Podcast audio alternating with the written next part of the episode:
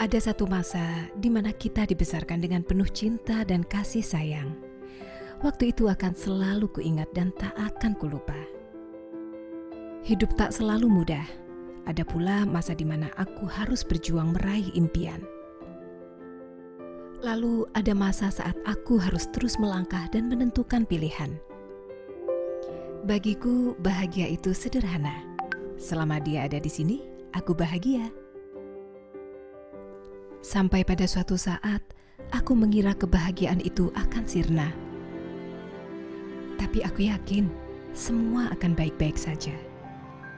Dan ternyata memang benar, Tuhan sayang kepada kami berdua. Saat itu adalah hadiah terindah darinya untuk kami. Sejak saat itu, aku ingin selalu memberikan hanya yang terbaik untuk anakku. Dan aku menemukan apa yang aku cari tempat yang seperti rumah kedua bagiku, di mana penuh cinta dan kasih sayang.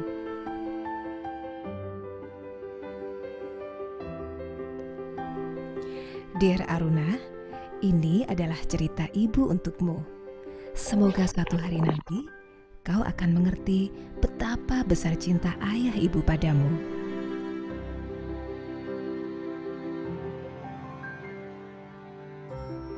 Aruna, tumbuh di tengah-tengah cinta banyak orang. Melihatmu saat kau di dalam perutku, kau adalah anugerah Tuhan terindah yang dititipkan melalui rahimku. Ayahmu pun selalu ada di samping kita berdua. Kita tidak sendiri, Aruna. Kita melalui ini bersama calon-calon ibu yang lain. Mereka sudah seperti saudaraku sendiri Dokter kita selalu berpesan pada ibu untuk memberikan hanya ASI buatmu saat kau lahir nanti, karena hanya ASI yang terbaik untukmu. Aku ingat di hari saat kamu akan lahir, betapa pandiknya ayahmu waktu itu, tergopoh-gopoh membawaku ke rumah sakit. Bagiku, ini lebih dari sekedar rumah sakit. Ini seperti rumah kedua bagiku. Betapa sigapnya mereka menyambutku. Saat melahirkanmu, tak ada kata yang bisa menggambarkan beratnya perjuanganku waktu itu.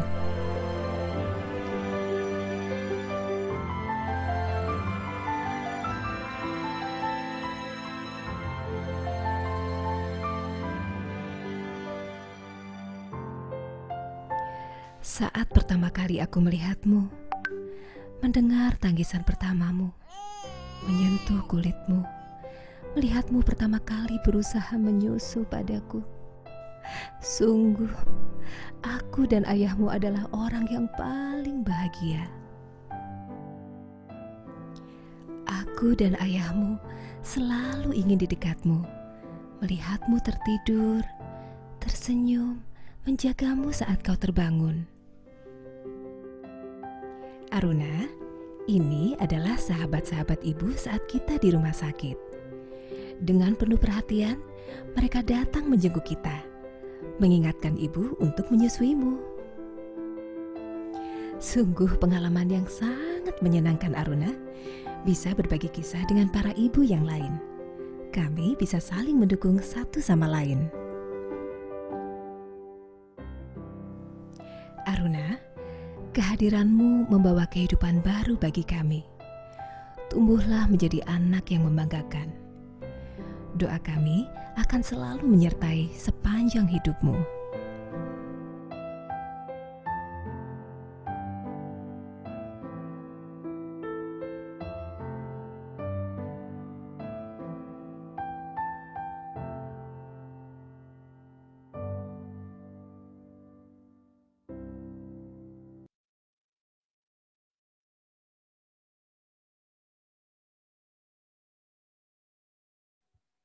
Selamat pagi Bunda yang sudah bergabung pagi hari ini dalam program online talk Rumah Sakit Ibu dan Anak Kendang Sari, Surabaya.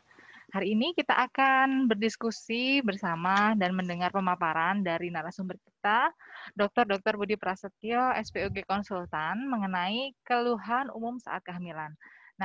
Uh, ayah untuk bunda-bunda yang bergabung hari ini, apa kabar? Semoga selalu sehat dan tetap uh, menjaga kesehatan. Nah, baik uh, untuk diskusi kita hari ini akan saya pandu bersama saya Didi dan sudah hadir di tengah-tengah kita narasumber kita Dr. Budi Prasetyo. Selamat pagi, Dokter. Baik, selamat pagi. Assalamualaikum warahmatullahi wabarakatuh. Ya, apa kabar, Dok? Alhamdulillah, baik-baik, Mbak Didi. Oke, lagi di mana, Dokter? Di rumah atau di kantor atau di Lagi, ya, di rumah. Oke. Baik dokter, hari ini sudah bergabung dengan kita ada 13 orang bunda yang ingin mendengar lebih banyak tentang keluhan umum seputar kehamilan dokter. Uh, baik, ini saya share aja, kalau bisa oh, saya share. Dari dokter G, saya ya. sebentar dokter, saya siapkan dulu.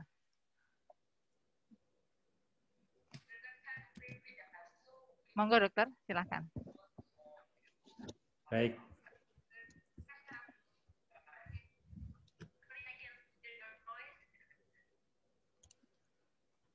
Saya izin share.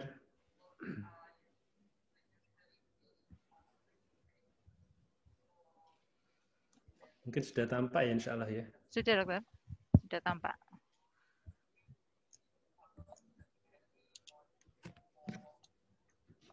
Baik, Assalamualaikum warahmatullahi wabarakatuh. Selamat pagi semuanya. Uh, selamat pagi Ibu-Ibu semuanya. Terima kasih pada manajemen Rumah Sakit Ibu Anak Gendang Sari atas Eh, kesempatannya yang diberikan. Lagi kali ini kita akan bincang-bincang santai aja. Saya akan uh, yang memberikan tips saja. Sebenarnya ya harapannya sebenarnya semua tujuan uh, pemeriksaan kehamilan uh, semuanya itu harapannya satu ibu sehat, bayi sehat. Nah, sebenarnya kehamilan sehat itu bagaimana? Mungkin ibu-ibu sudah tahu semuanya. Jadi memang kalau bisa ya suatu kehamilan yang sehat secara fisik, psikologis. Jadi selain uh, fisik sehat juga secara kejiwaan juga baik. Karena ada juga, mohon maaf, ada beberapa kehamilan yang memang sangat terganggu secara psikologis karena mungkin tidak siap atau memang uh, ada yang mohon maaf uh, sebenarnya tidak kepingin hamil tapi kok hamil dia seperti itu. Dan ini harapannya terjadi pada ibu maupun janin. Oleh karena kalau kita berbicara pada masalah ibu hamil, ya memang kita bicara dua orang, baik ibu maupun janin. Nah harapannya persalinan aman, ibu sehat dan bayi sehat. Dan satu lagi yang sepertinya harus kita lakukan uh, harapkan adalah bayi punya potensi kecerdasan yang baik. Ini juga penting juga saat ini. Nah, kenapa kok punya potensi kecerdasan yang baik itu juga baik? Jadi bayi sehat itu harapannya insya Allah nanti saat dewasa juga sehat. Mungkin ada yang beberapa perhatian ya mohon maaf ya sekarang banyak sekali penyakit-penyakit metabolik. Penyakit metabolik itu apa? Misalnya sakit jantung, hipertensi, stroke, diabetes. Nah, itu kadang-kadang apakah hanya menyerang masyarakat di perkotaan? Tidak juga. Nyata di mas mohon maaf di pedesaan juga ada yang stroke, ada yang diabetes. Kok aneh gitu misalnya mungkin yang di pedesaan jarang makan misalnya kayak uh, junk food dan sebagainya. Tapi kok tetap terserang, mungkin saat saat dilahirkan ini kondisinya terganggu dalam rahim. Jadi gangguan di dalam rahim mungkin berimpact kepada kehidupan pada saat dewasa. Nah ini harus kita perhatikan. Karena bayi yang dilahirkan dengan kondisi berat lahir rendah dapat berisiko menderita penyakit kardiovaskuler maupun diabetes mellitus saat dewasa. Jadi berat lahir rendah itu berapa sih Pak patokannya? Kalau kita patokannya adalah dua kilo setengah. Tapi apa ada juga yang karena ibunya kecil, bayinya juga kecil. Small mother, small babies, memang seperti itu. Tapi dilihat juga komposisinya, tidak pasti di bawah dua setengah dua kilo setengah oh masih bayi kecil. Kita lihat besarnya ibu seberapa. Kalau ibunya juga kecil ya bayinya biasanya ya juga kecil. Nah kenapa ini kok bisa beresiko? Karena ini konsekuensi si bayi ini melakukan adaptasi pada kondisi yang kurang gizi selama kehamilan. Dan ini yang perlu kita perhatikan. Jadi tidak tidak apa namanya uh, ternyata kalau ada gangguan pada saat kehamilan ini bisa berdampak pada saat bayi ini sudah lahir dan saat dewasa. Nah, berapa berat badan lahir yang eh berat badan kenaikan berat badan yang direkomendasikan sebenarnya tidak ada yang pasti patokannya. Tapi kita lihat indeks massa tubuh ibu saat sebelum hamil. Jadi kalau ibunya normal berat badannya indeksnya antara 20 sampai 26, kenaikan berat badan itu satu kilo satu bulan. 1 sampai 2 kilo lah hampir. Jadi kalau kita lihat kalau satu kilo ya 9 kilo lah kenaikannya. Atau di sini kalau normal weight ya antara 11 sampai 16 kilo. Di bawah itu biasanya kurang, di, di atas itu ya over. Nah, boleh enggak kenaikan berat badan enggak sampai 9 kilo? Boleh. Kalau emang ibunya overweight atau bahkan kalau mohon maaf ibunya obes. Kalau ibunya obesitas, gemuk, malah enggak sampai 7 kilo disarankan. Enggak usah banyak-banyak, naik 5 kilo ya boleh gitu loh. Kalau soalnya kalau ibunya mohon maaf sudah startnya 90, naik 16 kilo kan jadi 106 nanti ya tambah merepotkan saat persalinan.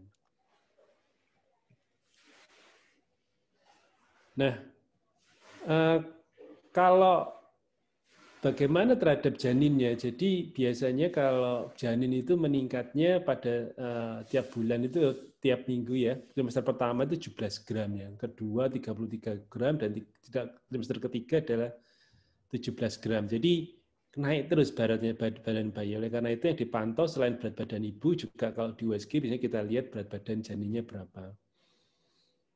Nah, kalau ibunya underweight atau kenaikan berat badan kurang, ah, resikonya apa? Ya bayinya lahir berat badannya rendah. Berada namanya BBLR, berat bayi lahir rendah. Bayi berat lahir rendah.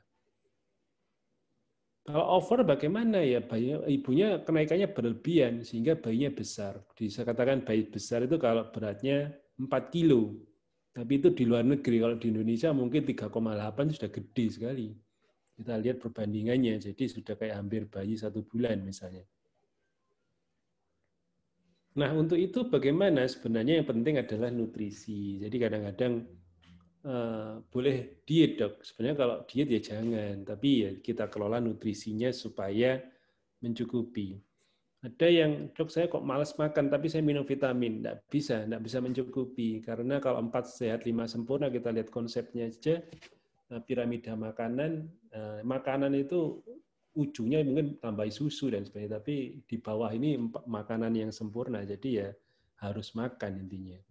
Jadi intinya harapannya kalau kita bisa mengelola nutrisi yang baik, tercapai berat badan, penambahan berat badan yang diharapkan selama kehamilan, dan kemudian gizinya cukup, kemudian makanan sehat bervariasi. Jadi kalau bisa bervariasi, oleh karena apa ya mohon maaf, kadang-kadang ibu ini sukanya seperti itu, makan itu terus tiap hari. Padahal misalnya sumber asam folat aja. Folat penting untuk pertumbuhan otak bayi. Nah sumbernya apa? Kacang-kacangan, sereal. Saya kira kalau di negara kita jarang kadang-kadang ibu makan apa bu sarapan hari ini? Saya makan sereal, enggak jarang. Soto banyak misalnya, bubur ayam, gitu. tapi sereal jarang. Nah itu yang kadang-kadang karena itu sumber uh, makanannya harus bervariasi kalau bisa. Kemudian harapannya ibunya nanti bisa menyusui sendiri bayinya. Nah ini yang penting adalah selain melahirkan persalinan lancar juga menyusuinya juga lancar. Nah, apa ya kalau pada trimester pertama kehamilan apakah harus makan yang harus dipaksa? Enggak. Jadi kalau kenapa kok pada trimester pertama tidak perlu makanan nutrisi yang terlalu berlebihan oleh karena ini yang dibutuhkan pada janin ini adalah pertumbuhan untuk sel otak bayi. Karena itu cukup protein, asam folat terutama dan vitamin B dan zinc. Intinya seperti itu aja. Jadi ini bisa diambil dari baik nabati maupun hewani. Paling gampang misalnya kacang-kacangan dan hewani misalnya mungkin ikan dan sebagainya. Daging jelas. Jadi ini bisa itu. Kemudian apakah harus naik? Tidak. Pertama ini biasanya masih ada mual-mual. Tapi itu juga sebenarnya itu menguntungkan untuk ibu hamil. Misalnya ibu hanya mual gitu ya, kok makannya kok kurang. Sebenarnya itu menguntungkan. Kenapa kok menguntungkan? Karena si bayi menyeleksi makanan yang akan masuk ke ibunya ibu makan misalnya eh, gado-gado, bayinya muntah. Mungkin bayi tidak mau, jangan makan gado-gado, Bu. Tidak cocok untuk saya. Jadi dimuntahkan. Tidak usah stres. Kalau seperti itu ya, oh berarti tidak mau ya, nah ayo cari yang lain. Dan ini memang kita tidak memerlukan vitamin yang terlalu berlebihan cukup asam folat saja. Tapi kalau di masa pandemi ini juga selain untuk kehamilan juga uh, vitamin untuk menjaga kesehatan tubuh penting. Jadi kalau di masa pandemi mungkin tetap minum vitamin yang lengkap untuk kehamilan. Kalau dulu cuma cukup asam folat aja selama belum pandemi waktu itu. Nah, trimester kedua dan ketiga lah ini butuh nutrisi yang cukup oleh karena fase pembentukan otak janin terutama pada trimester pertama. Oleh karena itu makanannya sangat dibatasi, sangat terseleksi oleh bayi. Nah, tapi begitu kedua ketiga, biasanya si ibu sudah mulai enak makan, nah bayi juga sudah mulai fase pembentukan tubuh, pembesaran tubuh, jadi mematangkan organ-organ yang sudah dibentuk pada semester pertama. Karena itu butuh zat besi di sini. Baru boleh minum vitamin zat besi. Boleh minum AA, DHA, boleh sekarang. Kalau sudah trimester ketiga, eh, kedua, ketiga boleh. Kenapa? AA, DHA, minyak ikan ini mual kalau minum mulai semester pertama biasanya muahnya mualnya jadi berlebihan. Karena itu biasanya diminum pada trimester kedua sesuai dengan apa namanya fisiologi perkembangan tubuh janin. Jadi sudah tidak mual ibunya, baru boleh minum vitamin lengkap lah istilahnya vitamin lengkap. Dan ini kebutuhan energi meningkat karena 90% perkembangan fetus terjadi pada saat ini. Intinya seperti itu. Apa penyebab nutrisi yang kurang ya, biasanya mual muntah ya. Tapi itu biasanya untuk sampai minggu ke-12. Kalau mual muntah lebih dari minggu ke-12, apa yang terjadi? Ya biasanya bukan karena pengaruh kehamilan, tapi biasanya oleh pengaruh psikologis, stres, cemas. Karena kehamilan itu selain senang juga mungkin ada rasa cemas cemas misalnya mohon maaf nanti lahir normal apa enggak kadang-kadang cemas. Kemudian mohon maaf bayinya normal apa enggak juga cemas. Nanti lahirnya normal apa operasi ya cemas. Sehingga tapi ini berlebihan sehingga muntahnya jadi berlebihan. Kemudian mah penyakit asam lambung heartburn. Jadi ini yang juga sering pada ibu hamil. Jadi punya mah dasarnya. Nah, memang kalau pada ibu hamil itu memang nutrisinya ini memang sedikit-sedikit tapi memang lebih sering. Kenapa? Karena masa pengosongan lambung itu melambat. Normalnya 2 jam jadi 6 jam. Jadi kalau makan banyak, ya muntah. Tapi kurang makan, asam lambungnya meningkat. Karena itu ya makannya sedikit-sedikit porsinya, tapi durasinya lebih sering. Kemudian sembelit. Ibu hamil itu juga sering sembelit. Jadi oleh karena itu, supaya tidak sembelit, apa yang harus dilakukan? Ya banyak minum air putih, kemudian makan sayur. Itu yang bisa di lakukan. Kemudian terus saja yang harus dihindari makanan yang berbahaya. Ini sekarang eh, jelas kalau di luar negeri tidak boleh minum alkohol, kemudian mohon maaf tidak boleh minum yang mengandung kafein berlebihan, kopi, soda itu juga dihindari. Kemudian makan yang dihindari juga yang kurang matang ya biasanya makan harus matang. Karena apa ya? Kalau kita ingat ada parasit dari kucing namanya toxoplasma, toksoplasma itu ditularkan dari makanan yang tidak matang. Sehingga eh, telur dari pak toksoplasma ini bisa masuk ke dalam tubuh ibu hamil. Kalau orang tidak hamil, biasanya insya Allah tidak ada masalah. Tapi kalau ibu hamil, daya tahan tubuh ibu hamil itu bukan berarti rendah, tapi berubah. Kenapa? Karena ada bayi di dalam tubuh. Kalau daya tahan tubuhnya tinggi terus, ya bayinya akan ditolak karena bayi, bayi itu benda asing nanti bisa keguguran kalau terlalu berlebihan. Oleh karena itu, pada saat ibu menjadi hamil, daya tahan tubuh berubah. Karena apa? Karena ada bayi di dalam tubuh yang merupakan benda asing. Kemudian juga aktivitas fisik yang berlebihan, jadi stres berat jadinya. Nah, sehingga strateginya bagaimana ya makan sedikit-sedikit dengan waktu yang sering dan cukup serat supaya tidak sembelit. Cukup cairan, Nah ini musuh juga. Kadang-kadang ibu hamil itu sering kencing ya. Sehingga kalau sering kencing, refleks itu ibu hamil biasanya malas minum. Supaya apa? Mohon maaf, tidak terkencing-kencing di kantor, tidak sering kencing. Tapi akibatnya apa?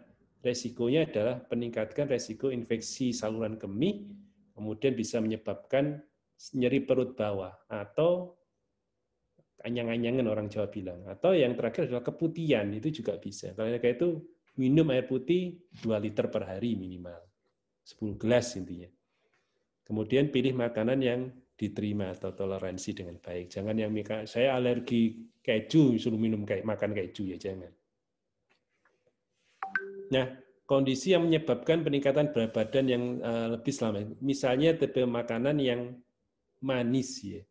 Kadang-kadang ada ada apa namanya uh, apa namanya uh, kepercayaan jangan minum es gitu ya. Sebenarnya kalau minum air es ya enggak apa-apa, berat badan ya nambah. Cuma kalau minum es teler, es degan, es jus yang manis-manis, es krim apalagi ya itu ya bisa pasti besar. Saya minum selalu minum es uh, sirup terus dok selama hamil. Kalau minum air putih saya muntah ya itu ya gede bayinya. Kemudian uh, hamil makan harus lebih banyak. Uh, sebenarnya ya yang penting jangan terlalu full gitu. Jadi lebih sering tapi lebih sering. Jadi ini. Kemudian aktivitasnya berkurang. Jadi ada yang tiduran terus. Kalau saya tetap ibu aktivitas supaya satu kalau sekarang ya menjaga kesehatan ya harus harus berjemur paling tidak 30 menit di bawah sinar matahari supaya vitamin D juga apa namanya bisa bekerja. Nah, itu juga harus diperhatikan. Oleh karena itu ya apa namanya eh, sebenarnya dinikmati aja. Memang pasti ada perubahan fisiologis maupun dari Eh, bentuk anatomi tubuh yang mengganggu tapi ya dinikmati. Kenapa?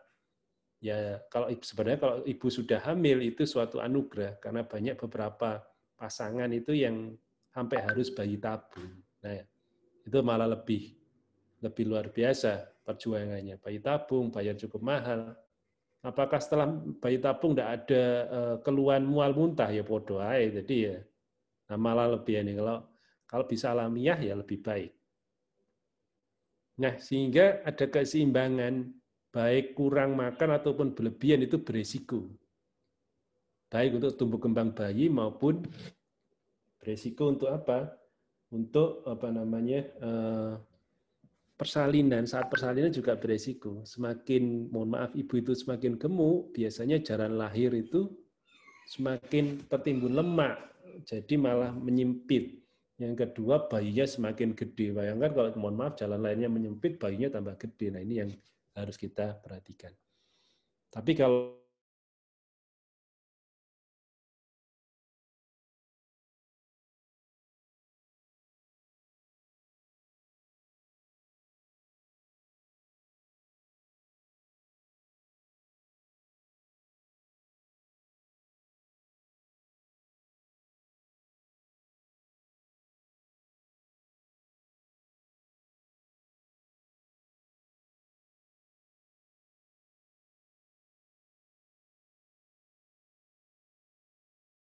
Kemudian standar pemeriksaan apa kalau Ibu hamil kontrol? Sebenarnya apakah hanya nutrisi? Tidak, sebenarnya standarnya banyak, cukup banyak ya Ibu-Ibu ya. Jadi salah satunya adalah bisa pemeriksaan darah. Tapi ini juga disesuaikan biasanya apakah apa namanya eh, eh, apa namanya ada yang dianjurkan, yang wajib, ada ada yang tambahan. Jadi yang wajib apa? Mohon maaf, kalau wajib itu di, di seluruh Indonesia biasanya setiap ibu hamil wajib tes hepatitis, HIV. Ini wajib. Kalau di daerah endemis malaria di daerah timur Indonesia sana dicek malaria juga. Tapi kalau di daerah Jawa jarang cek malaria karena kita bukan daerah endemis. Kemudian ini yang penting, ini standarnya dari apa namanya eh, Kementerian Kesehatan, tapi biasanya ada yang dilebih, kita Ah, ini standar lebih lebih baik dan diperiksa plasma ya baik juga USG dan sebagainya. Nah ini baik mungkin itu nah ini harus kita waspadai selama kehamilan intinya apa muntah boleh kalau berlebihan nah itu bahaya.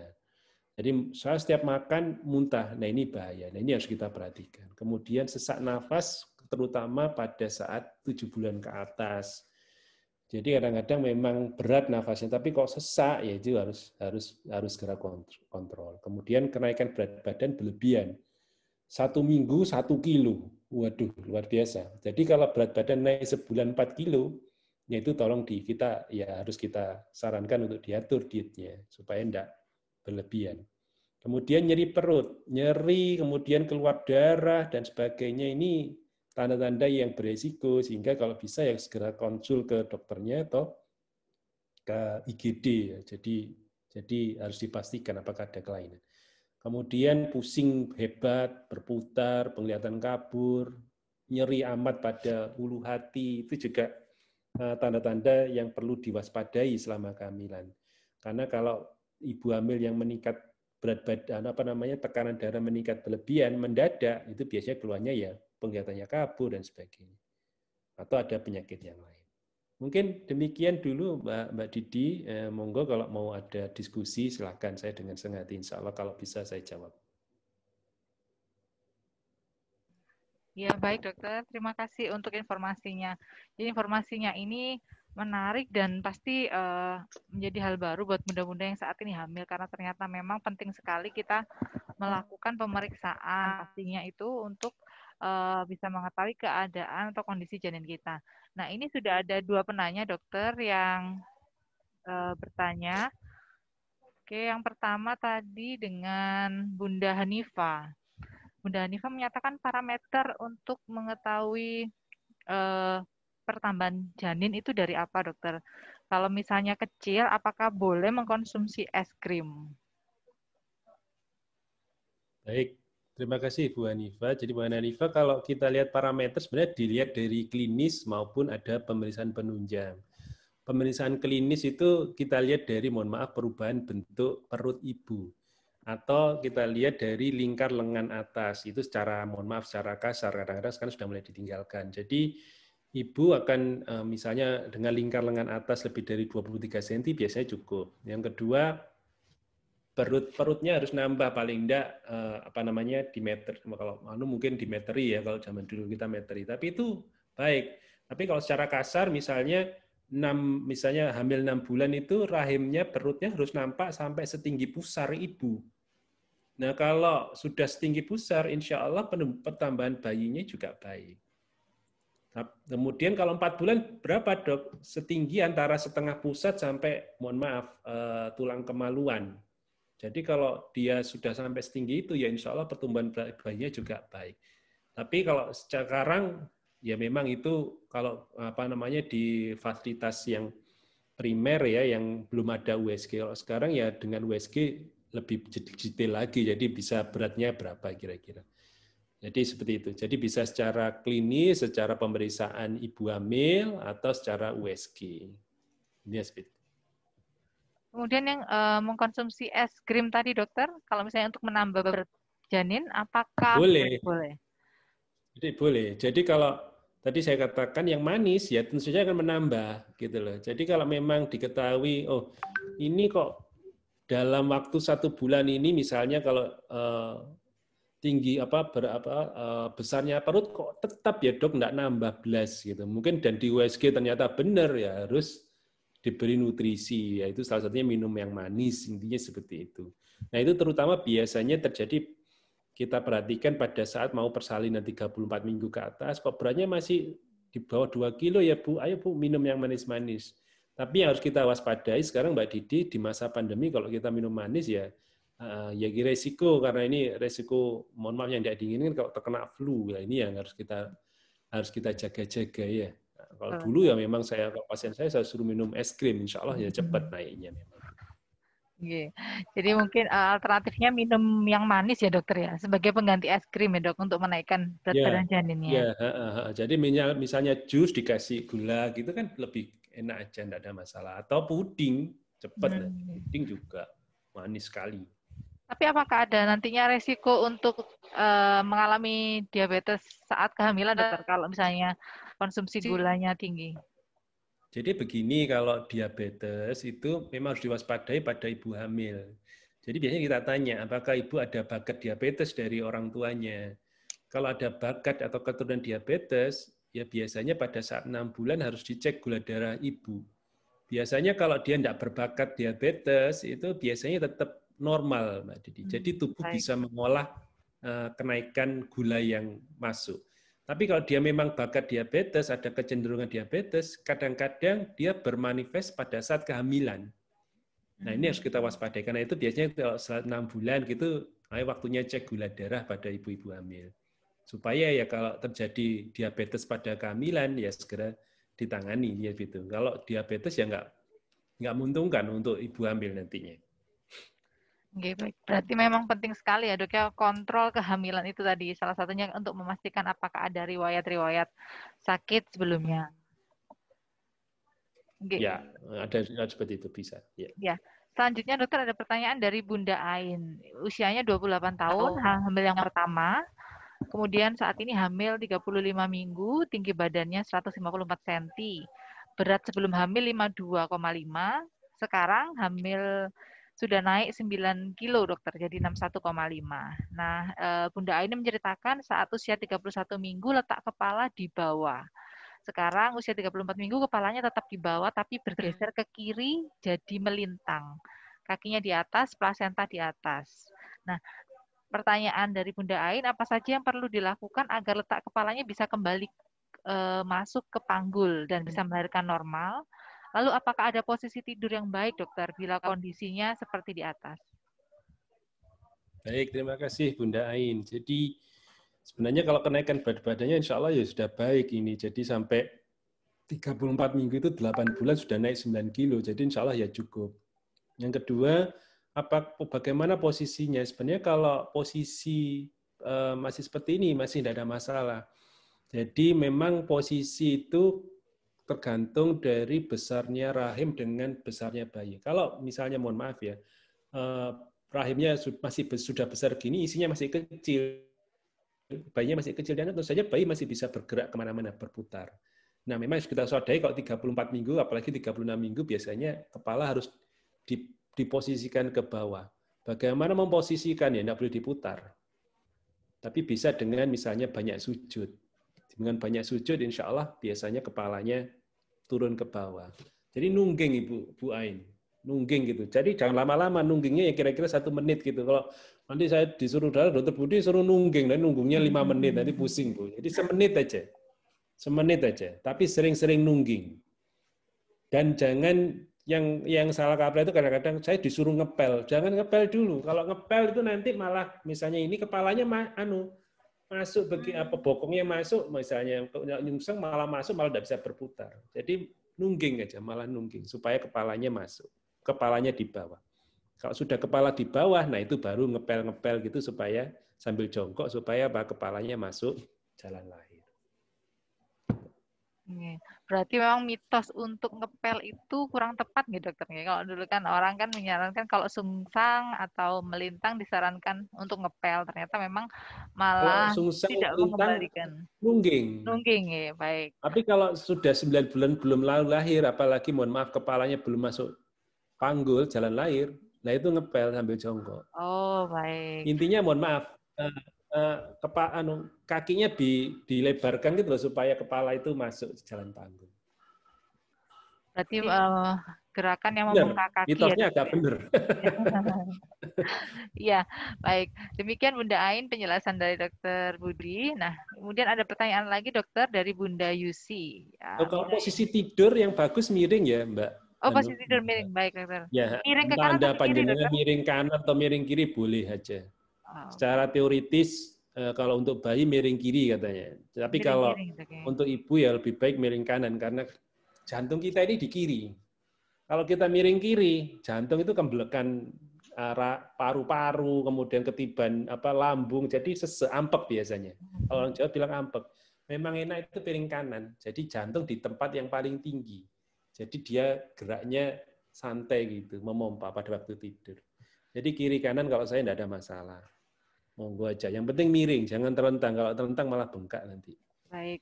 Jadi posisi yang dianjurkan posisi miring, monggo bisa kanan kiri, ya. senyaman bundanya.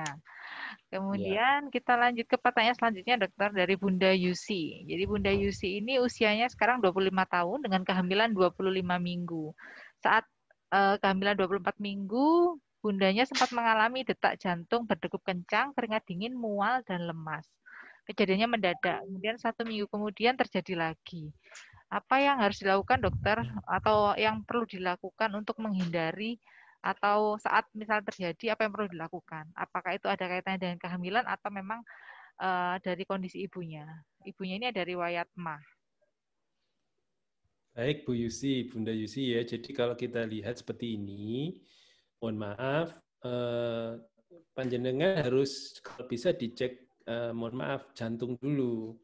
Jadi eh, apakah ada kelainan di jantungnya atau tidak? Eh, nah sebenarnya kalau boleh nanti saya mau nambah apakah kalau tidur pakai satu bantal atau harus setengah duduk itu juga berpengaruh. Kemudian eh, kadang-kadang memang eh, ya ada yang an, anu secara normal atau ada yang enggak enggak normal. Kalau normal itu memang kalau ibu hamil itu semakin tambah usia, itu semakin sulit tidur memang. Karena berat besarnya perut, kemudian uh, juga agak sesak. Kenapa kok sesak? Ya karena terjadi penambahan volume darah ibu. Normal setengah 4 liter, kalau begitu hamil ditambah satu setengah liter. Dan puncaknya ini, puncaknya penambahan darah itu sampai 32 minggu. Berarti saat 8 bulan 32 minggu itu biasanya sesek-seseknya kalau kalau apa namanya eh, tidak bisa beradaptasi atau ada kelainan jantung. Jadi Bunda Yusi kalau bisa dicek aja, mohon maaf, eh, bilang aja ke yang kontrol, kemudian dicek suara jantung. Biasanya kita cek dengan insya Allah dengan biasanya biasanya eh, apakah normal apa enggak bisa dilihat dari suara jantung. Kalau perlu ya direkam jantung bisa seperti itu. Oke, baik, jadi untuk Bunda Yusi, ada baiknya berkonsultasi dengan dokter untuk Yang kedua, boleh cek jantung. darah, ya cek HB, cek HB-nya HB cukup apa enggak. Apakah terjadi anemia? Kadang-kadang anemia juga merasa seperti itu. Baik. Nah, untuk uh, cek anemia itu sebaiknya sejak usia kehamilan berapa minggu ya, dokter? Ya biasanya kalau saya awal anu malah ya ini antara enam bulan tujuh bulan kan saya sudah katakan maksimum puncak-puncaknya itu 32 minggu penambahan sel darah. Baik. Jadi apakah terjadi anemia karena kehamilan atau memang anemia karena penyakit itu ya ya bisa diatasi supaya sebelum lahir sudah optimal nantinya. Baik dokter, terima kasih. Ada pertanyaan lagi dokter dari Bunda Aslika. Usianya 29 tahun, hamil anak pertama, sekarang hamilnya 26 minggu, sering mengalami keputihan, rasanya gatal, eh, padahal sudah menjaga kebersihan. Apakah kondisi ini juga pengaruh dari makanan? Kemudian apakah normal kondisi keputihan saat kehamilan? Baik. dokter. Jadi mohon maaf, eh, pada saat kehamilan memang produksi cairan liang senggama itu akan meningkat, Bu Aslika ya. Jadi eh, selama tidak banyak, tidak bau, tidak gatal, ya ya biarkan aja. Maksudnya satu minum cukup tadi 2 liter sehari, kemudian mohon maaf sering ganti pakaian dalam. Yang ketiga jangan sering menahan kencing. Karena tadi sudah saya bilang kalau 2, 16 minggu ke atas biasanya ibu itu sudah sering kencing sehingga refleksnya kadang-kadang mengurangi minum hmm. supaya tidak terkencing-kencing di kantornya seperti itu. Jadi malah minumnya ditambah 10 liter 2, 2 liter per hari jangan sering nahan kencing ya seperti itu. Terus mohon maaf tiap 4 jam gitu ganti uh, pakaian dalam, bukan ganti kayak panty liner, enggak boleh kayak panty liner pembalut enggak boleh. Ganti pakaian dalam. Terus apakah kalau gatal bagaimana? Nah, kalau gatal memang ini ini ada resiko mohon maaf uh, jamur Ibu. Memang paling sering kalau anu karena cairannya banyak sehingga kalau lembab sudah cairan banyak terus sering pakai mohon maaf pembalut supaya nyaman itu jadinya lembab. Kalau lembab, jari liang senggama mudah kena jamur. Jadi kalau mau satu Ibu Bu Aslika minum dulu air putih ditambah dulu 2 liter sehari 10 gelas. Kemudian banyak eh, sering ganti celana dalam tiap 4 jam gitu. Kalau masih tetap berlebihan, oh maaf ke, ke dokter aja atau ke tenaga kesehatan supaya diberi obat anti jamur biasanya. Ya seperti itu. Jadi tidak mesti harus diobati, tidak. Memang uh, keluhan uh, kepu, apa namanya uh, cairan berlebih dari yang segama memang wajar pada ibu hamil. Tapi kalau banyak bau, gatal, berubah warna, diobati saja lebih baik.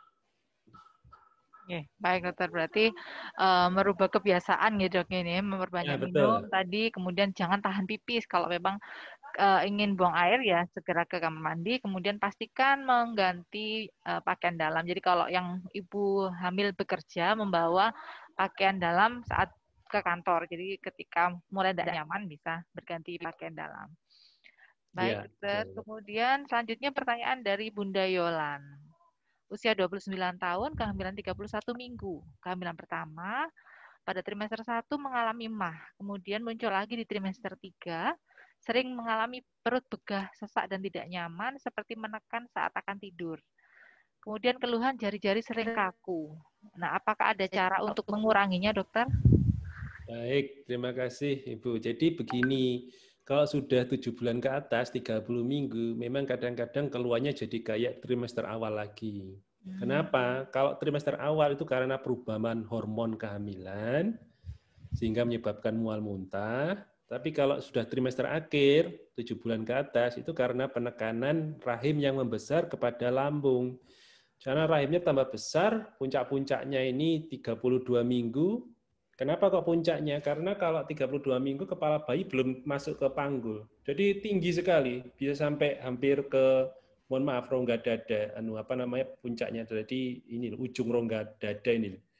Sehingga lambung juga terdorong ke atas. Jadi Bu, jadi biasanya Ibu juga mengalami kayak mual-mual jadi kayak jadi kok mual-mual lagi kayak anak pertama, anu hamil pertama. Iya, memang seperti itu. Hmm, nah, sehingga harus apa yang harus dilakukan ya itu tadi, makannya dikit-dikit tapi tetap harus makan.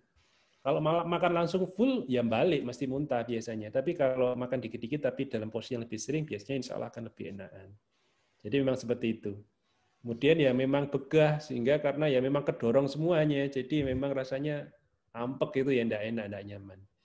Dan apa namanya ya eh, intinya memang kalau tujuh bulan ke atas, mohon maaf ibu-ibu ya memang biasanya ada keluhan, memang lebih banyak keluhan tujuh bulan ke atas. Sudah tidak bisa tidur, kalau malam uh, ditendangi bayi sehingga bangun hmm. terus, tapi dinikmati aja ibu. Coba bayangkan nanti kalau mohon maaf bayinya sudah lahir, ya biasanya ibu-ibu yang tidak bisa tidur. Jadi ibarat sekarang sudah mulai dilatih supaya tidak tidur malam. Kenapa ya? Kalau bayinya rewel, mesti ya suaminya paling mama itu mah anakmu mah.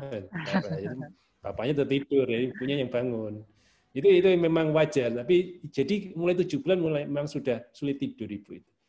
Tapi walaupun sudah tidur, jangan dibiarkan, wah gak apa-apa, nggak bisa tidur. Enggak, ya tetap aja berusaha tidur. Jadi kalau pasien saya, saya sarankan satu, jauhi handphone sama megang remote TV. Ya. Jadi kalau sudah jam 9, merem ya, mbuh, tidur, mbuh merem ya. Kemudian kalau keluhan jari kaku itu ya, jari kaku ini gini Bu Yolan, memang satu eh, harus dipastikan kebutuhan kalsium. Jadi kalsium itu diminum sehari sekali, kemudian bisa minum susu, bisa senam dan sebagainya. Tapi kalau masih keluhan ya memang ya dinikmati aja memang bawaan kehamilan. Tapi jangan sampai karena kurang kalsium. Jadi kalsiumnya dipenuhi dulu, suplementasi kalsium. Kalau perlu ya ganti apa namanya, mohon maaf, eh, kalsium yang dosisnya agak tinggi, Bu. Nanti ada kok, bisa diganti mereknya. Jadi belum misalnya ibu golongan kalsiumnya minum apa? Golongan uh, obat A dok, ya ganti obat B, apa ngerti cocok. Memang keluarnya kadang-kadang uh, apa namanya kesemutan, kemudian jari jari ya kesemutan biasanya sama geringgingen orang Jawa bilangnya ya. Oke, baik. Terima kasih, yeah. dokter. Jadi memang uh, semakin besar usia kehamilan, memang keluhannya akan semakin lebih terasa nih dokter nih karena usia karena ukuran bayinya juga semakin besar itu salah satunya ya. ya. Salah satu yang kedua ya semakin cemas bu. Makin cemas, ya. makin deg-degan ya dok ya. Mau mau lahirkan soalnya. Baik, uh, kemudian ada pertanyaan lagi dari Ibu Aisyah. Oke, usia Ibu Aisyah 23 tahun, kehamilannya 9 minggu sering mengalami pusing dokter saat hamil. Nah, apakah pusing ini ada kaitannya dengan HB rendah atau anemia? Kemudian bagaimana cara mengatasi dan apa pengaruhnya terhadap perkembangan janin apabila HB-nya rendah atau Baik. anemia? Baik, jadi memang ada kemungkinan, tapi bukan pasti. Tapi biasanya kalau masih awal kehamilan, itu biasanya oleh karena ya memang bawaan kehamilan itu. Jadi kalau bisa dirubah mindsetnya. Kalau saya bu merubah mindset, jadi kalau merubah mindset itu begini loh, misalnya ada yang merasa, aduh pusing saya, aduh pusing, waduh pusing. Jadi pusing terus. Tapi kalau kita merubah mindset, kenapa kok ibu pusing? Kenapa kok ibu mual? Karena sedang hamil ibu. Dan syukurilah ibu, tidak semua, mohon maaf, ibu bisa hamil. Jadi ibu termasuk yang terpilih. Jadi kalau sekarang harus di, aduh alhamdulillah kok mual, kenapa? Hamil loh. Jadi panjenengan bisa cerita ke teman-teman, eh kalau hamil 9 minggu itu mual sama pusing. Kenapa? Ya saya ngalami karena saya hamil gitu. Jadi lebih seneng gitu. Jadi dirubah mindsetnya. Jadi bahwa pusing sama kehamilan itu bukan yang menyiksa, tapi ya, ya mohon maaf harus dirubah. Oh ini menyenangkan karena. Nah, maka, apakah ada kemungkinan dengan anemia? Mungkin, tapi jarang kalau kurang dari 9 minggu, eh, kurang dari apa namanya 32 minggu. Biasanya ya, soalnya pun apa pun kalau anemia kita ya belum memberikan tablet besi. Tablet besi yang kita berikan sudah 12 minggu ke atas boleh minum konsumsi tablet besi, boleh asal, tapi kalau tablet besi juga akan meningkatkan mual biasanya. Keluarnya tablet besi itu ya mual. Kalau mau sebenarnya ya cek aja darahnya, HB-nya berapa. Kalau HB di atas 10, 11 itu tidak ada masalah. Kalau 9 bagaimana? Ya minum tablet besi. Walaupun mual ya tetap minum tablet besi. Apakah harus transfusi? Tidak, tidak perlu. Kalau kecuali kalau HB-nya 7 gitu ya transfusi. Tapi kalau masih 8, 9, tidak ada masalah. Memang kalau anemia dibiarkan sepanjang kehamilan ya tidak baik, nanti biasanya mohon maaf ada gangguan pertumbuhan bayinya. Bayinya kecil jadinya. Karena HB itu yang membawa makanan ke bayi. Nah, kalau kendaraannya kurang otomatis ya yang sampai ke bayi juga berkurang. Intinya begitu. Oke, baik, terima kasih. Baik, terima kasih dokter. Jadi dipastikan dulu bahwa belum tentu pusingnya karena anemia. Kemudian selanjutnya dari Bunda Bunga. Usianya 26 tahun, hamilnya 32 minggu, dokter. Selama hamil tidak bisa minum susu karena muntah. Nah, apakah tidak apa-apa, dokter, kalau tidak minum susu hamil? Lalu beliaunya juga ada riwayat mah, sehingga sering kali sendawa, kemudian perut kencang dan terasa banyak angin. Apakah harus minum susu hamil, dokter? Baik,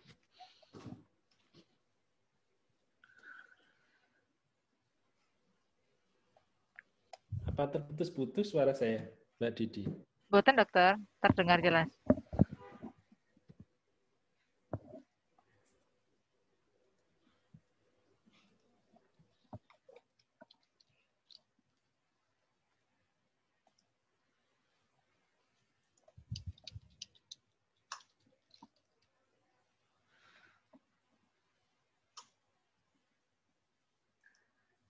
Baik, mohon maaf terputus. Uh, jadi ini sudah jelas ya, Mbak Didi? Sudah, ya? sudah terdengar, dokter. Baik, jadi kalau apa namanya uh,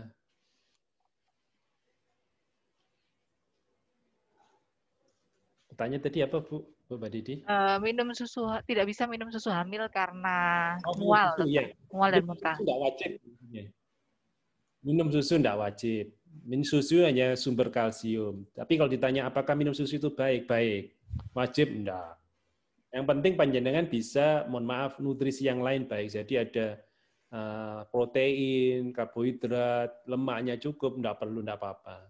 Kemudian minum aja tablet kalsium boleh. Tidak ada masalah, enggak. Enggak minum susu enggak apa-apa. Malah kadang-kadang kalau ada minum susu kemudian intoleransi, istilahnya alergi, ya enggak terlalu baik kalau dipaksa. Enggak apa-apa. Ya, baik dokter, terima kasih. Bundanya ini juga tadi mengeluhkan kalau ada riwayat mah dokter sehingga sering sendawa, kemudian perutnya ya, kayak banyak angin. Iya, enggak apa-apa. Emang gitu kan mah, enggak apa-apa. Jadi disyukuri tadi ya dok ya kuncinya tadi. Iya, disyukuri. Ya. Jangan stres. Kalau sudah mah hamil tambah stres, tambah tambah mahnya tambah berlebihan karena hormon stresnya jadi keluar semua. Dinikmati aja. Oke. Baik. Selanjutnya ada Bunda Dea. Bunda Dea ini usianya 25 tahun, usia kehamilannya 25 minggu. Ber, uh, bertanya bagaimana cara menghitung pergerakan janin dalam satu hari, dokter? Baik, Bunda Dea ini luar biasa. Ini pertanyaan yang bagus sekali. Ini salah satu pentingnya memperhatikan gerakan anak. Gerak bayi indikator bayi baik di dalam rahim. Jadi kalau geraknya baik, banyak, ya baik bayinya. Kenapa? Ibarat orang, mohon maaf, kalau makanannya cukup ya bisa bekerja, bisa lari-lari. Tapi kalau disuruh puasa 10 hari, pasti orangnya ya tiduran terus saja. Jadi kalau anaknya geraknya banyak, baik. Nah, berapa kali geraknya? Dalam 4 jam kira-kira 10 kali gerakan. Jadi dihitungnya aja dalam 4 jam minimal 10 kali. Kalau geraknya jeduk-jeduk-jeduk-jeduk, ya sudah cukup. Tapi kalau cuma duk, duk, nah itu dihitungi. Rata-rata 4 jam 10 kali. Kalau dari seminggu biasanya ada literatur 923 kali gerakan. Ya saya apal itu, soalnya waktu sekolah ini kok aneh kok ada orang iseng ngitung 923 kali gerakan seminggu. Makanya saya hafal sampai sekarang. Itu mulai saya tahun 2000 saya hafalkan. Baik, jadi itu penting. Pergerakan bayi adalah indikator bayi baik-baik dalam rahim. Sampai kapan diperhatikan, dok? Sampai melahirkan ibu. Bahkan sampai mau mengejan itu dia biasanya masih gerak. Jadi harus diperhatikan gerakan bayi. Nah, memang kalau sudah 36 minggu, kepala bayi sudah masuk ke jalan panggul, kepalanya sudah masuk begini, dia geraknya tidak terlalu aktif. Tapi tetap gerak. Tapi tetap tangannya bisa gerak, nendang, kakinya nendang kalau masih kurang dari 36 minggu, geraknya bisa berputar. Nah, itu penting. Tapi tetap perhatikan gerak anak sampai lahir, Bu. Kalau misalnya gerakannya ternyata dalam 4 jam kurang dari 10, dokter, yang perlu nah. dilakukan bundanya seperti apa, dokter? Pertama istirahat. Pertama istirahat, duduk. Yang kedua kalau anu ya tiduran sambil tidur miring tadi itu. Miring kanan, miring kiri boleh. Miring kiri boleh. Yang kedua, kalau masih tetap tidak bergerak, bagaimana? ya mohon maaf, segera ke rumah sakit. Itu salah satu tanda bahaya. Hmm. Jadi jangan sampai, dok kok gerak anak saya kok enggak saya rasakan ya berapa lama bu? Sudah tiga hari ini loh, jangan tiga hari. Hmm. Segera aja. Baik. Jadi ya. uh, untuk setiap ibu hamil pastikan uh, alert atau uh, aware dengan gerakan janin. Nah ini mulai usia berapa dokter dapat terpantau aktif gerakan janinnya? Jadi tergantung dari kepakaan ibu. Kalau anak pertama biasanya 20 minggu, Mbak Didi. 20 minggu. Tapi baik. kalau mohon maaf sudah pernah hamil gitu, biasanya 16 minggu ada yang terasa. Oh. Tapi tentu saja tidak 4 jam 10 kali, tapi sudah gedut, gedut, gedut gitu. Hmm. Tapi biasanya secara rata-rata begitu kedutan, ibu anak berapa? Anak pertama, 20 minggu biasanya. Hmm. Baik. Tapi kalau ini anak kedua mungkin 16 minggu. 16 minggu sudah mulai dirasakan. Oke. Iya. Ya, baik, terima kasih dokter untuk penjelasannya. Kemudian selanjutnya dari Bunda Ardina. Uh, Bunda Ardina ini minusnya 5,2 dokter. Sedang apakah dengan minus sebesar itu bisa melahirkan secara normal? Baik, ini minus ini juga menarik karena beberapa uh, ada juga pasien yang cukup banyak ini minus ini. Tapi apakah bisa lahir normal? Sebenarnya mohon maaf Bu Ardina, kalau ingin lahir normal, memang kalau bisa diperiksa dulu aja ke dokter mata, dilihat kondisi retina. Jadi yang enggak, retina itu apa sih? Retina itu kayak layar. Kenapa kok kita bisa menonton film di bioskop? Karena ada layar bioskopnya. Kalau di bioskop tidak ada layarnya, ya kita tidak bisa melihat film, lihat apa kita kan? Kita harus melihat layar. Jadi retina itu yang menangkap bayangan yang kita lihat. Nah, kalau minus tinggi, yang beresiko itu apa? Ya mohon maaf, retinanya ada yang istilahnya lepas. Kalau lepas bagaimana? Ya mohon maaf, penglihatannya kabur sekali. Nah, untuk mengetahui apakah ada kelainan di retinanya kena pada minus tinggi, mohon maaf, minang minusnya biasanya patokannya ya minus 5 ini. Minus 5 ke atas, biasanya kita cekkan kondisi retina. Kapan dicek, dok? Ibu cek aja kalau sudah 34 minggu dicek, sehingga kalau kondisi retinanya normal, ya insya Allah masih bisa lain normal, nggak ada masalah. Minus 7, tapi kondisi retinanya normal, nggak apa-apa. Masih banyak yang seperti itu, asal kondisi retinanya. Nah, sekarang ada yang malah di laser. Jadi waktu minus tinggi, ada kelainan retina, di laser dulu, setelah itu lahir normal, ada pasien saya sudah sekarang ini. Jadi mulai sekarang ada perkembangan ilmu kedokteran, ada yang uh, laser, dan sebenarnya ya malah alhamdulillah membantu sekali untuk persalinan. Berarti tidak ada pengaruh ya dok ya untuk tindakan laser saat kehamilan untuk mata. Saat ini kok saya menemukan beberapa pasien saya kok di laser ya dan oh. dan ternyata hasilnya bagus. Iya buktinya bisa lahir normal. Intinya ya alhamdulillah gitu loh membantu saya. Kalau zaman dulu ya kita seksio misalnya kita operasi. Misalnya oh ini ada kelainan ya harus operasi. Ya soalnya kalau kita yang tidak ingin mohon maaf karena panik kalau penglihatan itu. Tiba-tiba tidak bisa penglihatannya kabur setelah mengejan itu ya panik sekali. Hmm itu ya tidak diinginkan intinya seperti itu Ya, baik. Baik juga bagi Bunda Ardina maupun bunda-bunda yang memang sedang minus, pastikan memang kalau minusnya sudah di atas 5, cek retina dulu ke dokter mata saat tadi usia 34 minggu ya dokter ya? Ya. Untuk ceknya. Jadi untuk memastikan apakah memang bisa untuk melahirkan secara normal. Kemudian selanjutnya dari Bunda Citra dokter, usianya 28 tahun, kehamilannya 4 bulan saat ini, uh, dan memang diketahui dari hasil labnya HB-nya rendah. Nah, apakah yang harus dikonsumsi dan yang harus dilakukan dokter untuk dapat meningkatkan HB-nya?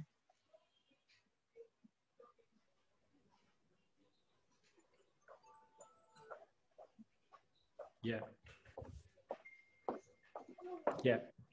Jadi kalau HB rendah memang kita ada patokannya enggak mesti semuanya harus di ini di apa namanya?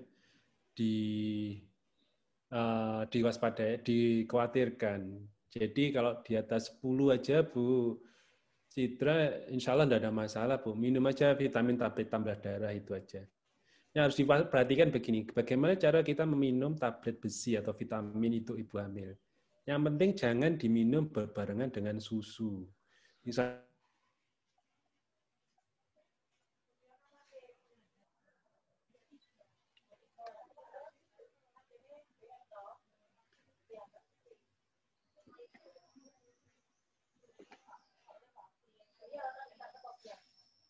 Mohon maaf dokter, sepertinya terputus. Bareng ayo.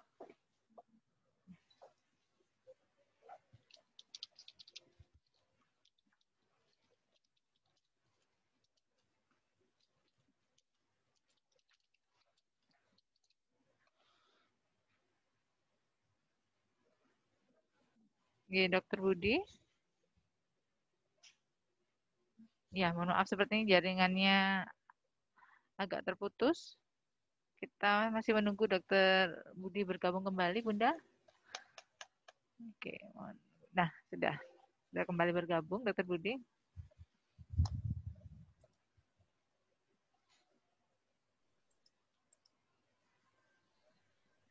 Baik, jadi tadi ya, yang penting jangan minum vitamin dengan susu intinya, Mbak Didi ya. Oke. Kenapa dokter tidak bisa minum dengan susu? Jadi begini, kalau susu itu menghambat penyerapan vitamin, jadi tambah-tambah darah dan sebagainya bisa tidak berfungsi. Intinya seperti itu. Jadi tolong diselang.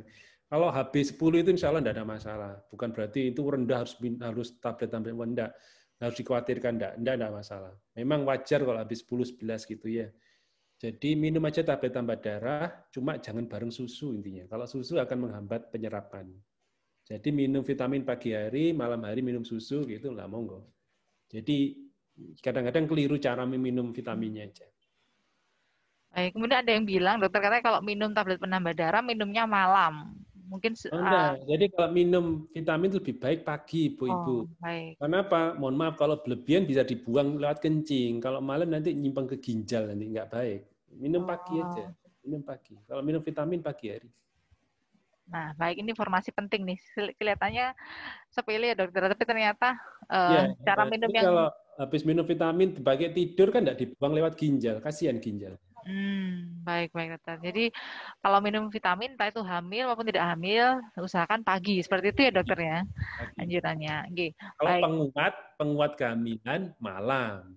Malam, baik. Kenapa kok malam? Ya mohon maaf, hormon untuk persalinan itu paling banyak menjelang subuh gitu. Jadi kadang-kadang kalau kontraksi sakit ya, sakit perut itu biasanya menjelang subuh. Nah, itu minum penguatnya malam hari supaya ya waktu menjelang menjelang ini peningkatan hormon persalinan itu bisa ditekan. Jadi untuk mempertahankan kehamilan, jadi minum minum penguat malam hari, vitamin pagi hari. Oke, baik dokter. Nah, dokter saya juga pernah membaca katanya di literatur itu dikatakan kalau minum tablet penambah darah itu juga efeknya adalah sembelit. Iya, karena itu tablet tambah darah murni jarang sekarang. Ya, mohon maaf kalau program-program memang masih tablet tambah darah murni. Ya. Memang sukanya sembelit atau mual tadi sudah saya katakan. Karena itu sekarang banyak sekali yang bervariasi. Hmm. Dicampur dengan vitamin hamil yang lain. Jadi multivitamin intinya, bukan tablet darah murni. Kalau tablet tambah darah murni itu yang warnanya merah itu loh, Mbak. Oh iya, iya, yang dari pemerintah biasanya dok ya. Eh, saya nggak nyebut. Jangan. Iya baik itu makanya, tapi ada kadang ada ada keluhannya, ada uh, sembeli terus mual kan, mual. Ya. Berarti itu misalnya kita kombinasikan dengan makan, memperbanyak makan serat itu juga tidak apa-apa ya dokter ya untuk Boleh. mengatasi sembelitnya tadi. Nah, sembelit itu bisa karena tadi itu atau karena memang sudah lima bulan ibu ya sembelit karena oh. penekanan rahim. Baik. Karena itu mohon maaf banyak makan serat, minum 2 liter sehari itu aja cukup insya Allah. Jadi jangan minum, minum air putih. Baik, dokter. Terima kasih, dokter. Kemudian ini ada pertanyaan dari Bunda Riana. Bunda Riana ini usia 32 tahun, mengalami dua kali keguguran saat trimester 1. sekarang sedang hamil, masih trimester satu juga. Nah, apa yang harus dilakukan dokter untuk mencegah terjadinya keguguran berulang? Baik, Bu Riana ikut prihatin, tapi tetap semangat, Bu Riana. Jadi apa yang harus dilakukan? Banyak yang harus dilakukan. Mohon maaf, eh, penyebab keguguran berulang itu banyak ada beberapa hal. Satu dipastikan apakah ada diabetes atau tidak. Yang kedua, apakah ada infeksi saluran kencing atau tidak. Yang ketiga, apakah ada gangguan pembekuan darah. Kadang-kadang pada ibu itu ada kelainan pembekuan darah, darahnya suka membeku. Nah itu perlu dicek laborat kalau bisa. Jadi malah harus dipersiapkan sebelum kehamilan. Tapi ini sudah hamil, alhamdulillah. Tapi segera cek darah ibu, supaya kalau ada kelainan segera diberi terapi. Ya jangan sampai, mohon maaf, bila terguguran lagi. Tapi tolong ibu, eh, kalau ibu harus ke ke tenaga kesehatan, ke dokter spesialis supaya untuk ditindaklanjuti kalau bisa. Segera aja kalau Bu Riana ini. Karena ada beberapa penyebab yang menyebabkan keguguran berulang. Nah itu harus dicari penyebabnya memang. Nah, ini mampu masih sudah hamil dan sudah trimester pertama. Iya, yeah, baik. Jadi uh, kembali lagi berkonsultasi dengan dokter untuk memastikan penyebabnya kenapa, kemudian untuk uh, menjaga kehamilan sekarang bisa. banyak penyebabnya. Yeah. Oke, dokter. Baik, kemudian yeah. ini kalau uh, pertanyaan selanjutnya dokter uh, dari Bunda Nita sering mengeluhkan kaki bengkak saat kehamilan trimester ketiga. Mengatasinya seperti apa, dokter? Kalau kaki bengkak asal dilihat tensinya. Tensi normal kaki bengkak wajar ibu hamil sudah trimester ketiga. Tidurnya miring sama mohon maaf mungkin diganjel. Mungkin juga mohon maaf Bu Nila mungkin kerjanya sambil duduk terus mungkin di depan komputer, di depan meja itu bisa menyebabkan perut anu kakinya bengkak. Yang penting tidurnya miring dan dilihat tensinya. Cek tensi yang rutin kalau kaki bengkak. Asal tensinya normal, tidur miring, insya Allah pagi hari normal. Tidak apa-apa, tidak apa-apa, wajar. Baik, jadi kalau misalnya kaki bengkak, uh, mesti cek tensi dulu ya dok ya, untuk memastikan yeah. ini apakah memang uh, bengkak yang normal, normal atau memang atau ada indikasi. karena tekanan darah tinggi, iya. Nah, baik. Mungkin kalau pernah dengar ibu preeklamsia itu loh, kak salah satunya harus waspadai. Baik, kalau preeklamsia berarti memang tanda awalnya pasti peningkatan tekanan darah ya dokter ya? Ya, memang satu tekanan darah meningkat, yang kedua apa namanya eh, ginjalnya, ur kencingnya bermasalah, yang ketiga bengkak kaki. Tapi bengkak kaki belum tentu preeklamsia. Tanda yang paling terakhir. Tanda paling terakhir. Ya, nah, yang baik. lebih diwaspadai kalau bengkak wajah, wajahnya tiba-tiba bengep, lah itu yang harus diwaspadai. Oke, baik. Terima kasih, dokter. Kemudian ada pertanyaan dari Bunda Riki. Uh, sudah saat ini memasuki kehamilan 31 minggu. Oh, baru hamil, ya. okay, baru mengikuti senam hamil. Berapa boleh, kali? Boleh, jadi dokter? boleh itu. Itu untuk secara secara penelitian senam hamil memperlancar persalinan. Iya, memang sudah terbukti. Jadi ikut senam hamil aja. Perkara berapa kali seminggunya monggo aja disesuaikan. Ada yang setiap hari monggo. Ada yang dua minggu sekali monggo. Yang penting intinya mohon maaf kalau orang lain normal itu, mohon maaf, uh, mohon maaf, paha ibu didekatkan dada. Jadi kalau tidak pernah senam kadang-kadang kaku. Paha dekatkan ke dada. Bayangkan ya mau angel, tapi makanya itu harus, mohon maaf, harus senam itu biar uh, lebih rileks. Yang kedua, uh, bagaimana berlatih nafas. Intinya seperti itu kalau senam. Berlatih nafas, baik. Ya, untuk senam hamil, bunda-bunda yang uh, hari ini bergabung. Kami di RSI Kendang Sari memiliki layanan senam hamil. Selama pandemi kita lakukan secara online. Jadi Bunda tetap di rumah, tapi tetap bisa melakukan aktivitas senam hamil. Jadi tadi kan menurut Dokter Budi, kalau kaku, ya nanti jadinya kalau hamil persalinan normal agak kesulitan juga ya dokter ya. Karena tadi kan membayangkan paha di dada ibunya. Oke, selanjutnya dari Bunda Ilmiah usianya 26 tahun, kehamilannya 27 minggu. Sering mengalami sakit tenggorokan, terasa panas hingga tidak enak dibuat tidur, dan ingin muntah. Kemarin sudah cek kelenjar getah bening, baik-baik saja. Nah, apakah ini indikator bahwa asam lambungnya naik, dokter? Tidak ada riwayat mah. Ya, baik.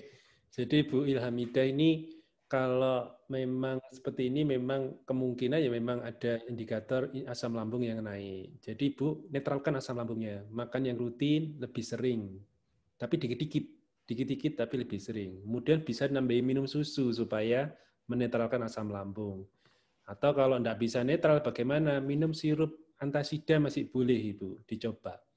Kemudian kalau dipakai aktivitas yang nggak beringat degup jantung memang terasa. Iya, ibu hamil itu kalau olahraganya bagaimana? Mohon maaf, olahraga biasa sampai panas, sampai dadanya agak terasa hangat itu sudah cukup, berarti sudah optimal. Jangan sampai oh, oh menggah-menggah itu malah tidak baik. Jadi tidak boleh aerobik dan sebagainya memang tidak. Jadi memang memang kalau itu masih wajar, tidak ada masalah. Tapi uh, kalau uh, kalau anu coba diminumi obat antasida sirup mungkin atau ya atau ya um, pola makannya diperbaiki. Intinya gitu aja. Oke, baik. Terima kasih, dokter. Selanjutnya menanggapi pertanyaan Bunda Ananda, uh, usianya 38 tahun, kehamilan yang ketiga, usia kehamilan saat ini 19 minggu, sudah satu minggu mengalami gatal-gatal. Nah, apakah memang kehamilan itu bisa mengalami gatal-gatal? Baik, Bu Ananda. Jadi yang pertama tetap syukuri pertama sudah hamil. Yang kedua, kenapa kok gatal? Orang hamil memang kadang-kadang gatal karena produksi asam empedu meningkat. Nah, asam empedu, garam empedu itu kalau sampai ke kulit memang gatal, Ibu-ibu. Nah, yang harus kita waspadai, yang perlu kita ngerti, kapan garam empedu keluar. Garam empedu itu fungsinya untuk metabolisme lemak. Jadi semakin panjenengan makan yang berlemak, misalnya bersantan, gorengan, ya akan keluar terus asam garam empedunya tambah banyak. Karena itu satu kurangi makanan yang berlemak, makan yang yang yang ya, ya bisanya kalau sayur asem, sop gitu mungkin dulu. Jangan makan kare, soto dulu mungkin. Setelah beberapa saat dilihat, ya semoga berkurang. Ini seperti itu. Ini memang fase-fase meningkatnya garam empedu. Tapi biasanya kalau mohon maaf kalau sudah lima bulan semoga sudah berkurang. Kadang-kadang akan timbul lagi kalau sudah delapan bulan. Karena sudah naik semua kan tadi saudara penekanan uh, lanu, nah itu harus kita waspadai. Jadi pertama kurang makan yang segar-segar, ya, ya kalau masih gatal ya, ya biasanya ditahan anu nggak usah di jangan digaruk nanti digaruk tambah tambah bergaris-garis namanya strie. Nah ini tidak hilang kalau strie. Dikurang makan yang segar-segar aja Ibu, Bu, Bu Nanda. Oke, baik. Nah, ini tentang keluhan di kulit, dokter. Biasanya kan yang dikhawatirkan bunda-bunda ini juga stretch mark ya, dokter ya. Stretch mark di perut maupun di paha. Yeah. Nah, ini iya. apakah yeah. ada cara mencegahnya, dokter? Enggak, kalau saya ya mohon maaf itu suatu fisiologis karena tipe kulit aja, karena kulitnya memang seperti itu. Apakah bisa dicegah? Ya boleh ada beberapa produk gitu, tapi kalau saya ada eh, nggak menyaran, nggak terlalu anulah, karena mohon maaf ya selama suami tidak protes yang lihat hanya suami yang tidak ada masalah ya, dan itu malah berbangga ibu-ibu. Kenapa? Lu mohon maaf pernah hamil karena tidak semua wanita bisa hamil kalau saya jangan jangan malah malah alhamdulillah kenapa ya pernah hamil kalau tidak hamil ya tidak mengalami seperti itu dia seperti itu tapi sekarang ada banyak beberapa produk gitu. tapi harus tetap diingat bahwa semakin panjenengan semua apa kontak dengan bahan kimia ya semakin beresiko. Memang ada penelitian ibu-ibu walaupun tidak hamil ya, bukan hamil ya. Itu kadang-kadang kontak dengan kimia berapa kali? 25 kali, entah lipstick, entah ini banyak sekali. Nah, karena itu kalau pada kehamilan ya dikurangi saja karena tidak semua kosmetik aman untuk kehamilan. Nah, sekarang harus di ini di kalau mau memakai sesuatu kosmetik ya harus dipikirkan apakah ini beresiko enggak? Kan ragu-ragu kadang-kadang. Jadi tidak aja, mohon maaf, saya pakai uh, mungkin eyeliner supaya apa? Supaya apa Bu janinnya? Supaya ganteng atau cantik janinnya? Kalau nggak ada tujuannya, mohon maaf, kurangi aja, dikurangi yang seperti itu. Supaya kontak dengan bahan kimia lebih jauh berkurang. Semakin sedikit kontak ya semakin lebih aman, intinya gitu. Hanya di kulit dok. Nah di kulit itu ada pori-porinya juga yang bisa diserap. Nah, kalau cuma sekali tidak ada masalah, tapi kalau tiap hari kan bisa terakumulasi. Oke, Kita gitu baik. Jadi lebih bijak dalam menggunakan uh, kosmetik maupun bahan kimia yang dioleskan di kulit ataupun dipakai dokternya selama kehamilan. Ya. Karena bisa nanti pengaruh ke janin juga. Ya, terakumulasi kalau 9 bulan. Baik, oke. Terima kasih dokter. Kemudian dari Bunda Tarik, ini uh, saat ini usianya 26 tahun, kehamilan 7 bulan, mengeluhkan tentang ambeien. Sebelum hamil tidak pernah ambeien, tapi uh, kurang lebih sebulan menurut Bunda Tarik mengalami ambeien. Nah, apakah dengan kondisi ambeien ini bisa melahirkan dengan cara normal? Apakah tidak apa-apa saat mengejan, dokter? Baik, jadi memang ambeien ini uh, memang cukup sering dialami juga untuk ibu-ibu. Tapi satu uh, itu karena efek penekanan rahim yang membesar, ibu. Biasanya akan, insya Allah secara fisiologis akan mengempis sendiri satu bulan setelah melahirkan. Dan itu biasanya ada derajatnya, Mbak Didi. Jadi kalau memang tidak terlalu tinggi, masih boleh lahir normal, ada masalah. Insya Allah tidak apa-apa. Jadi jangan put anu, enggak, dan mungkin mohon maaf uh, dilihat aja, mungkin ibu kontrol aja ke dokter, dilihat stadiumnya, mungkin perlu obat bu untuk mengecilkan sebelum persalinan, sehingga nanti malah tidak mengganggu persalinan. Ada obatnya, ada ya itu tergantung tergantung derajatnya. Jadi ya tidak bisa bayangkan saya kalau anu. Jadi jadi tidak mesti harus apakah bisa normal? Insya Allah bisa. Insya Allah bisa. Baik, terima kasih dokter. Jadi untuk muda-muda mungkin mengalami keluhan yang sama, dikonsultasikan uh, lebih dulu nanti untuk ditentukan apakah memang uh, aman atau memang perlu pengobatan. Nah, selanjutnya dari Bunda Asri, dokter. Ini usianya 30 tahun, hamil 34 minggu. Nah, ini sama sebenarnya. Tadi pertanyaannya sering sesak atau engap ya. saat malam. Ya, ya, memang seperti itu. Jadi karena sudah penekanan rahim yang membesar, Ibu. Jadi tidurnya miring. Mungkin enggak usah miring kiri, miring kanan aja. Nggak apa-apa. Kalau bengep, kalau anggap, sudah saya bilang, kalau miring kiri, eh, jantung ibu akan berada di tempat yang paling rendah. Jadi misalnya ampek kadang-kadang ibu yang peka. Nah, seperti ini kadang-kadang. Karena itu ya miringkan kanan supaya jantung kita berada di tempat paling tinggi. Supaya geraknya itu tidak terlalu kalau perlu harus ngoyo gitu, santai gitu dia bisa memompa darah. Coba miring kanan, Bu. Sambil ya tetap harus kita waspadai, mungkin bisa cek HB. Cek HB. Oke, baik. Terima kasih, dokter. Uh, ini ada pertanyaan yang sama sebenarnya dengan yang tadi terkait keputihan. Jadi kalau tadi dijelaskan dokter Budi kan keputihan pada kehamilan ini uh, bisa jadi memang karena semakin lembab di area vagina sehingga memang ada kemungkinan untuk terjadi keputihan seperti itu. Tadi sudah disarankan kalau misalnya ada keluhan keputihan memperbanyak minum. Tadi dokter Budi menyampaikan, kemudian sering mengganti pakaian dalam setiap 4 jam sekali. Nah, ya, selanjutnya. Jadi ini tetap minum dulu 2 liter per hari, sering ganti pakaian dalam. Tapi kalau tetap masih, mohon maaf, banyak, bau, gatal, berubah warna, ya diobati. Ini seperti itu.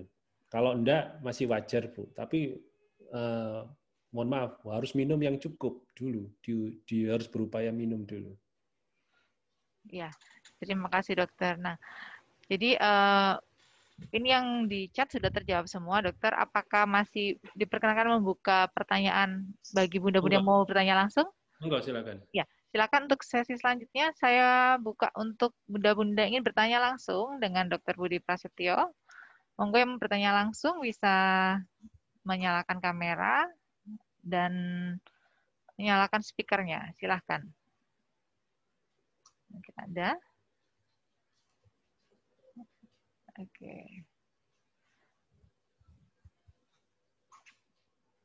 Nah, dokter, mungkin sambil menunggu ada yang bertanya, uh, ini kan kalau kehamilan itu perubahannya kan bukan hanya fisik ya dokter, ya, tapi perubahan hormonal.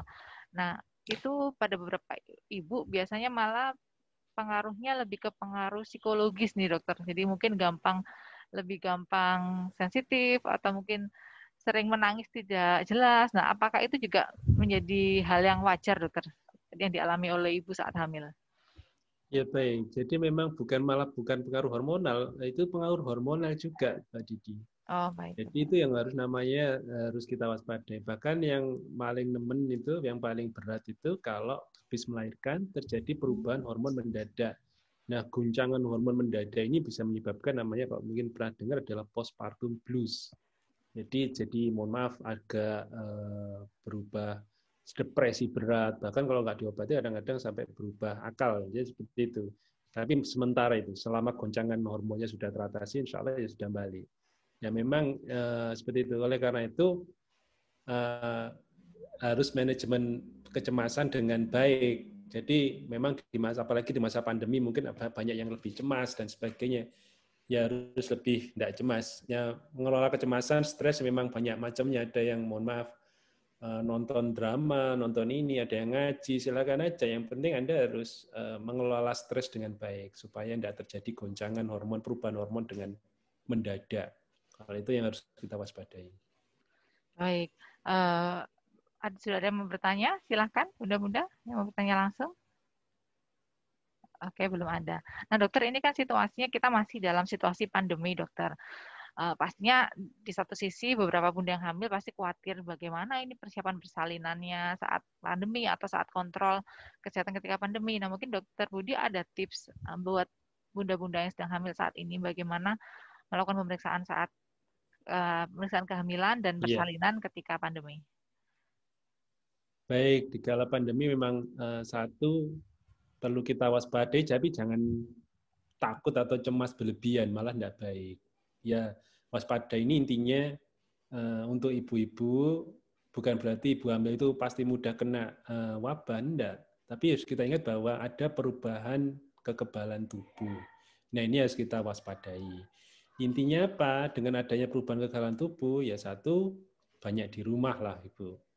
Yang kedua, kalaupun mau keluar protokol kesehatan. Nah, protokol kesehatan itu kadang-kadang longgarnya bagaimana? Mohon maaf.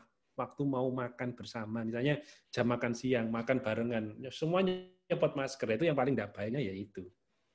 Jadi kalau mau makan ya sendiri-sendiri. Itu harus sekarang harus waspadai seperti itu. Sedemikian ketatnya kalau bisa.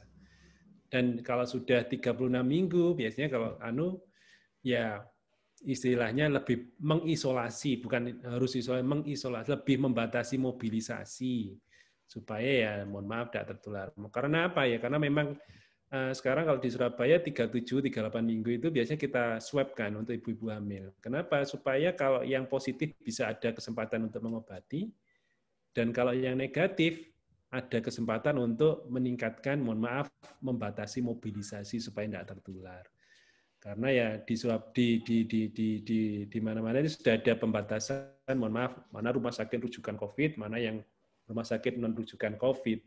Nah itu jelas supaya kalau non COVID dicampur semuanya ya nanti bisa tertular yang sehat tertular yang sakit jadi semua sakit. Jadi ya enggak, memang sekarang sudah dipisahkan. Karena itu ya lebih membatasi eh, mobilisasi kalau bisa. Bukan berarti harus di rumah terus ya enggak. Tapi kalaupun harus keluar protokol kesehatannya lebih ketat. Baik, sekarang kan 5M gitu dokter, tidak hanya mencuci tangan, menggunakan masker dan menjaga jarak, nah, tapi mengurangi mobilitas dan menghindari kerumunan. Kerumunan, ya, ya benar. Oke, baik. Jadi bunda-bunda uh, pastikan memang kalau sudah usianya memasuki 3736 di rumah saja seperti itu. Dan kalau memang terjadwal yeah. kontrol, ya boleh terjadwal kontrol, tapi ya tadi mengurangi mobilitas. Nah, sekarang kontrol pun sekarang kan ada jadwalnya, tidak harus menunggu antri gitu, tidak ya, boleh betul, sekarang. Anda terjadwal jam berapa ya datang aja jam sekian supaya tidak mengurangi kerumunan waktu antrian intinya seperti itu. Ya baik dokter. Ada satu lagi pertanyaan nih dokter yang masuk di chat. Kalau tadi kan dokter menyarankan tidur miring tuh miring ke kanan gitu dok supaya posisi jantung di atas. Kanan atau kiri boleh. Kanan atau kiri. Kanan kiri boleh. Nah ini Bunda Aslikah mengeluhkan tidur miring kanan terlalu lama, malah bagian bawah, bagian dada kanan bawahnya sakit. Nah apakah hal ini wajar dokter? Ya memang kaku otot memang sering terjadi pada ibu hamil, tidak ada masalah. Yang kalau bagian kanan tidak ada masalah, insya Allah. Oh, baik, yang kita lakukan itu kalau nyeri dada bagian kiri, Okay. Kalau nyeri dada bagian kiri, karena mohon maaf, jantung kita ini insya Allah di sebelah kiri. Kalau ada kelainan hmm. berat, memang ada orang yang dengan kelainan berat jantungnya terbalik di sebelah kanan. Tapi normalnya di sebelah kiri. Karena itu kalau nyeri sebelah kanan, mungkin karena kaku otot, nggak ada masalah. Ya karena miring kiri aja itu, nggak apa. Miring kiri boleh, miring kanan boleh, nggak ada masalah. Nggak ada masalah. Selama kalau bisa miring kiri, nggak ada masalah. Tapi kalau pada ibu yang sudah maaf sudah berumur ya, kadang-kadang miring kiri itu ampek. saya sendiri kalau tipe miring kanan, kalau miring kiri kok rasanya tidak enak. Bukan berarti tidak bisa miring kiri, bisa miring kiri bisa. Cuma rasanya kok sudah tidak enak, enak lebih baik miring kanan. Jadi Baik. boleh kiri kanan boleh, tidak harus miring kiri. Yang yang penting itu ibu hamil tidak boleh tidur terlungkup. Ini kayak jungkit, jungkit gini. Oke, dokter. Baik, dokter. Uh, sepertinya sudah tidak ada yang bertanya. Dan sebelum kita menutup sesi online talk kita siang hari ini, mungkin ada rangkuman dokter dari diskusi kita siang hari ini yang bisa disampaikan untuk bunda-bunda yang join program online talk kita siang hari ini. Baik, jadi uh, intinya dari uh, pertemuan ini satu, uh, pertama kalau ibu-ibu yang sudah dikaruniai kehamilan itu harus bersyukur, dan yang kedua manfaatkan 9 bulan jendela peluang ini semaksimal mungkin. Jadi dengan nutrisi yang cukup, pemberian apa vitamin dan sebagainya supaya apa? Ya outcome-nya maksimal. Ibarat kita mau memberi ibu mau memberi bekal anak yang mau ke Amerika 9 bulan lagi, ada mau memberi satu miliar, ada yang mau membeli sepuluh ribu. Kenapa? Bedanya adalah semaksimal mungkin supaya kepadatan sel otak bayi juga optimal. Yang kedua, kita sudah tahu bahwa kalau ada gangguan selama kehamilan tubuh kembang bayi, mungkin ada dampaknya pada kehidupan bayi saat dewasa, bukan saat bayi, saat dewasa. Nah, itu yang harus kita jaga. Jadi karena itu, manfaatkan jendela peluang 9 bulan ini semaksimal mungkin. Dan dengan itu insya Allah, insya Allah keluhan-keluhan yang panjenengan alami ya semoga berkurang karena satu panjenengan sudah sedang beribadah ini, sedang menambah sel otak, sedang mempersiapkan apa namanya kelahiran seorang manusia loh, sedang mempersiapkan kelahiran seorang mungkin jadi pemimpin dan sebagainya. Nah ini karena itu perlu nutrisi yang cukup, perhatian yang cukup, kontrol rutin dan ya banyak berdoa. Intinya itu aja, hindari cemas berlebihan tidak baik. Intinya seperti itu. Jadi uh, ya pentingnya antenatal care, kontrol antenatal intinya yang memastikan bahwa semuanya masih dalam uh, standar yang baik. Lihat begitu. Baik, demikian Mbak Didi. Terima kasih. Baik, terima kasih Dokter Budi untuk sharingnya siang hari ini. Nah, bagi bunda-bunda yang mungkin ingin berkonsultasi langsung dengan Dokter Budi, monggo bisa datang ke RSC Kendang Sari. Uh, Budi praktek setiap hari Selasa, Rabu, dan Jumat. Untuk hari Selasa dan Rabu pukul 15.30. Kemudian untuk yang hari Jumat pukul 6 sore. Oke, baik dokter. Terima kasih untuk sharingnya. Terima kasih juga untuk bunda-bunda yang sudah bergabung hari iya. ini.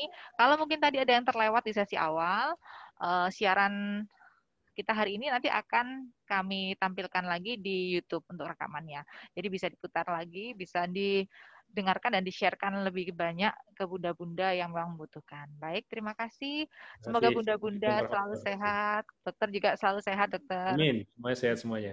Ya, amin. Baik, terima kasih. Sampai bertemu lagi dalam program Online Talk RSI Kendang Sari di minggu-minggu mendatang. Selamat siang. Sampai jumpa.